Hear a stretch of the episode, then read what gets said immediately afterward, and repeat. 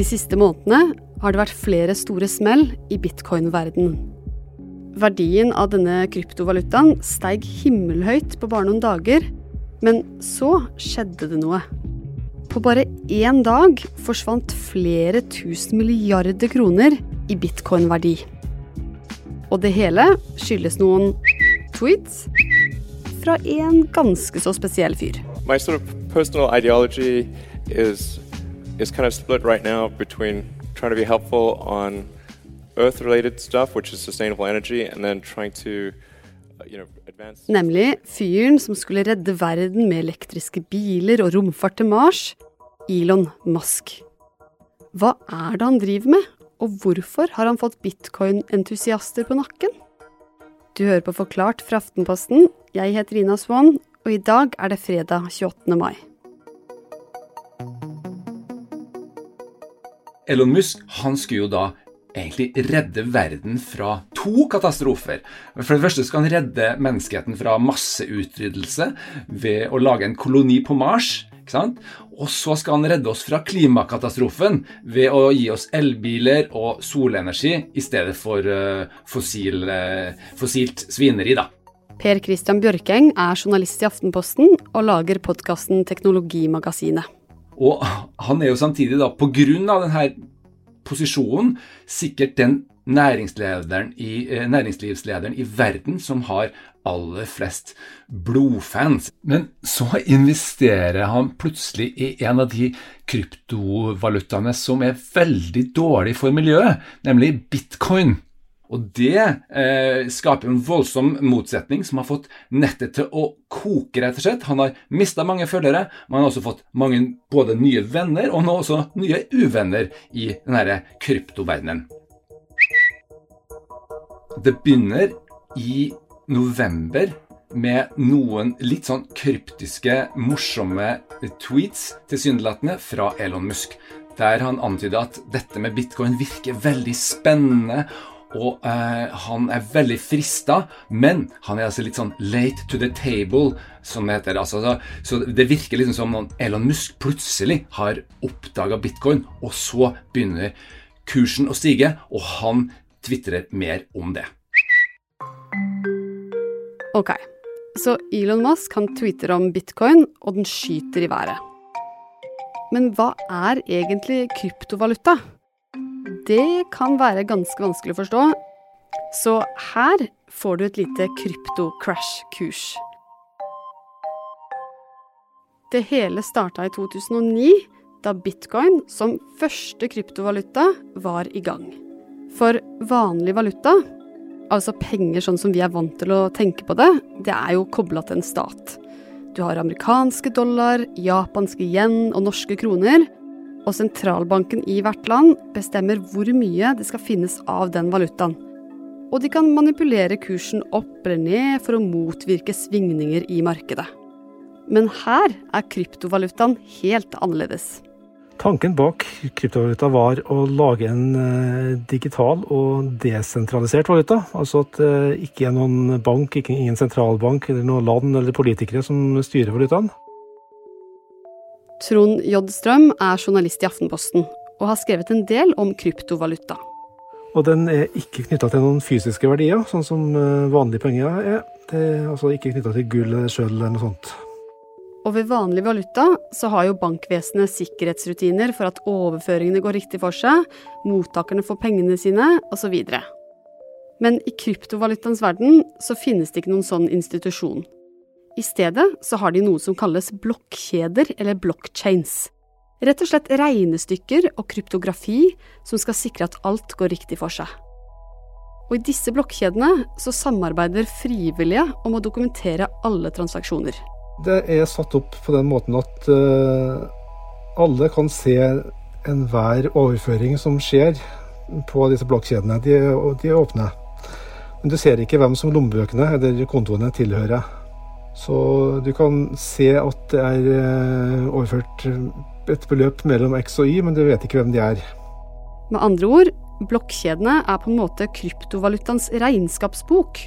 Den viktigste forskjellen er jo at uh, her er sikkerheten helt overlatt til teknologi og kryptering og regnestykker og datakraft. Og det er nettopp her det lugger litt for kryptovalutaen. For det krever enorme mengder energi for å drive den, og det er veldig lite miljøvennlig. Og derfor så ble veldig mange overraska da, altså da selveste Elon Musk, som da skal, han skal redde verden med elbiler og romfart, han har valgt å investere milliarder i bitcoin.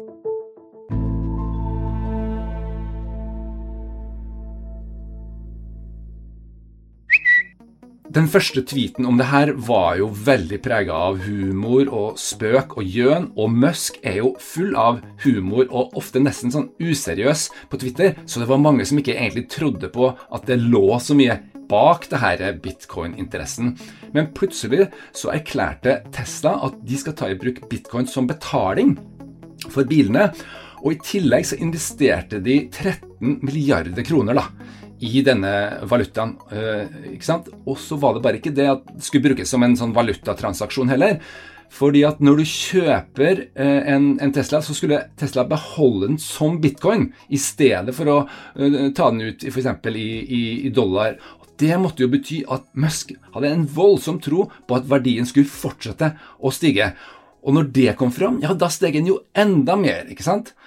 Og det ble veldig tydelig at Musk har 55 millioner eh, følgere på, på, Twitter, og han har altså så mye makt at han kan manipulere hele verdien av bitcoin-valutaen med å tvitre på denne måten. Eh, så, det klar, så, det er klart da at folk kasta seg på. One bitcoin is now worth close to 43 thousand US dollars. It reached forty-four thousand dollars earlier in the day. Musk's bet on Bitcoin doesn't stop there, though. The company was buying one and a half billion dollars worth of Bitcoin. It's an investment that was signed off by Tesla's board, but its founder Elon Musk has been an advocate for the digital currency for some time, despite warnings over its volatility.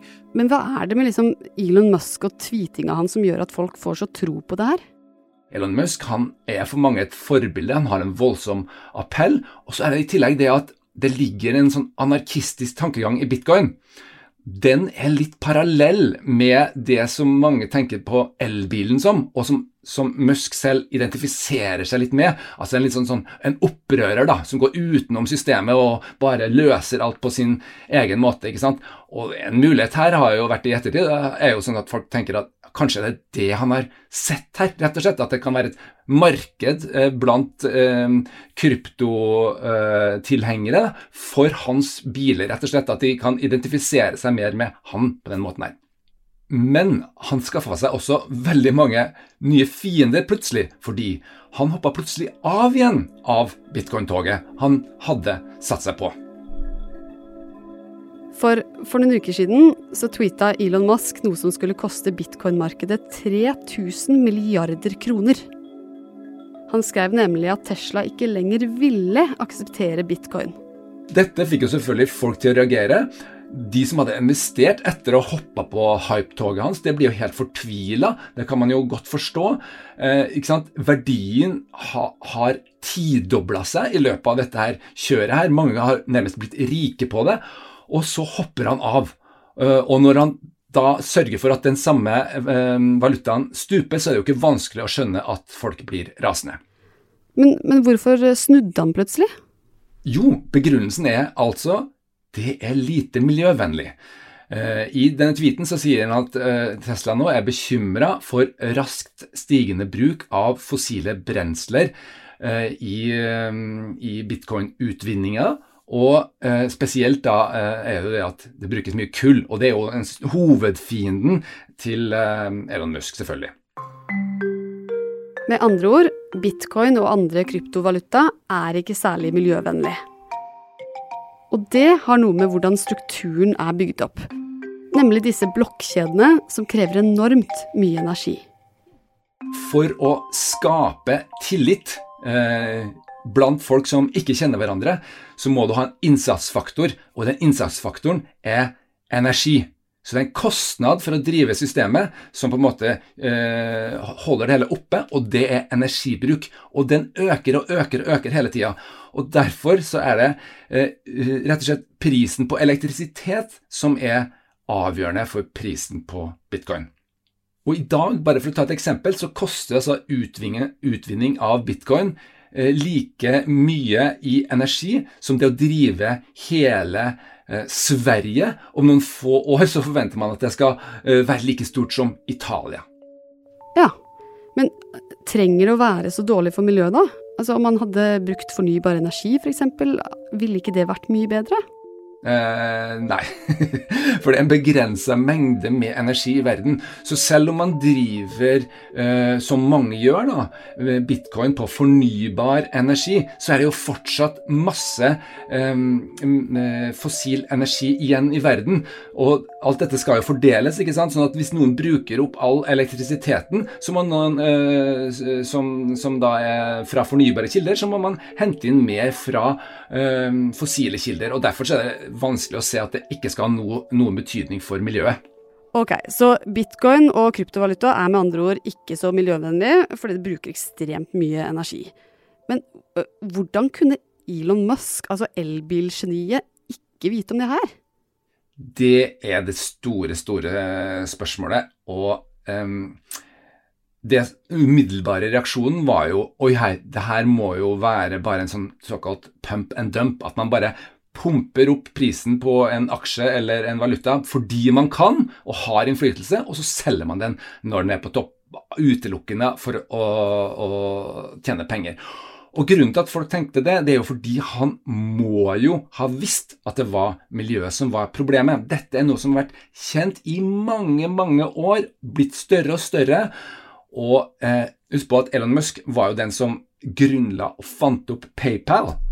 Han slo altså ut bankene i kampen om å lage elektroniske penger, så det er ikke sånn at han ikke vet hvordan elektroniske penger virker. Så etter at Elon Musk slapp denne bomba om at Tesla ikke lenger ville akseptere bitcoin, så falt kursen kraftig. Men denne uka så kom det enda en tweet fra Musk. Der skrev han at de var i dialog med amerikanske bitcoin-utvinnere om å gjøre kryptovalutaen mer miljøvennlig, og at det virket lovende. Og da steig selvfølgelig bitcoin-valutaen på nytt. Og denne gangen med 4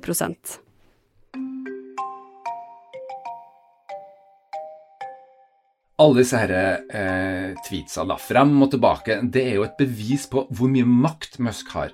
Og også hvor ustabilt og lett påvirkelig eh, denne kryptovalutakursen er. da. Og at eh, noe kan gå eh, så mye opp og ned eh, etter eh, kryptiske tweeter da, fra en rik, eh, punkt, eh, fra en rik fyr, det, det, det, det, er jo ikke bra for tilliten til valutaen.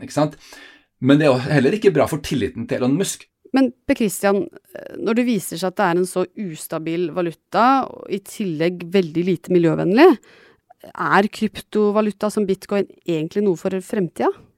Ja, Det er mange som uh, spør seg om, og det er vanskelig å si noe annet enn at nei, det fungerer ikke som betalingsinstrument egentlig, fordi det koster jo så mye per transaksjon. Flere hundre kroner kan prisen være for en, for en uh, betaling.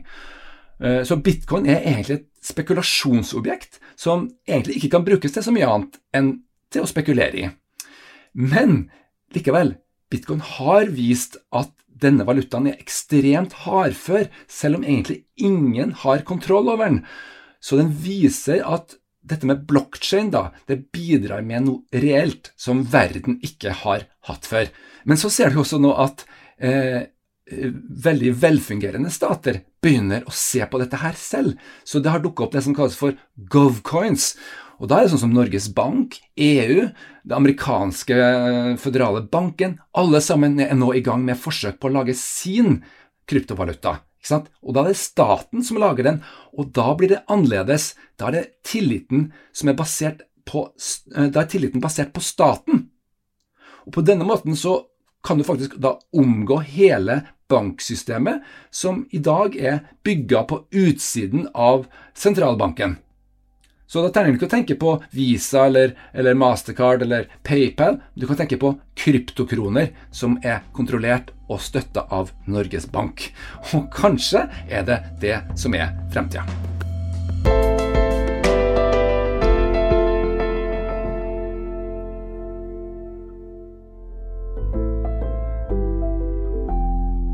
Denne episoden er laget av produsent Fride Nesten Onsdag og meg, Ina Svaan.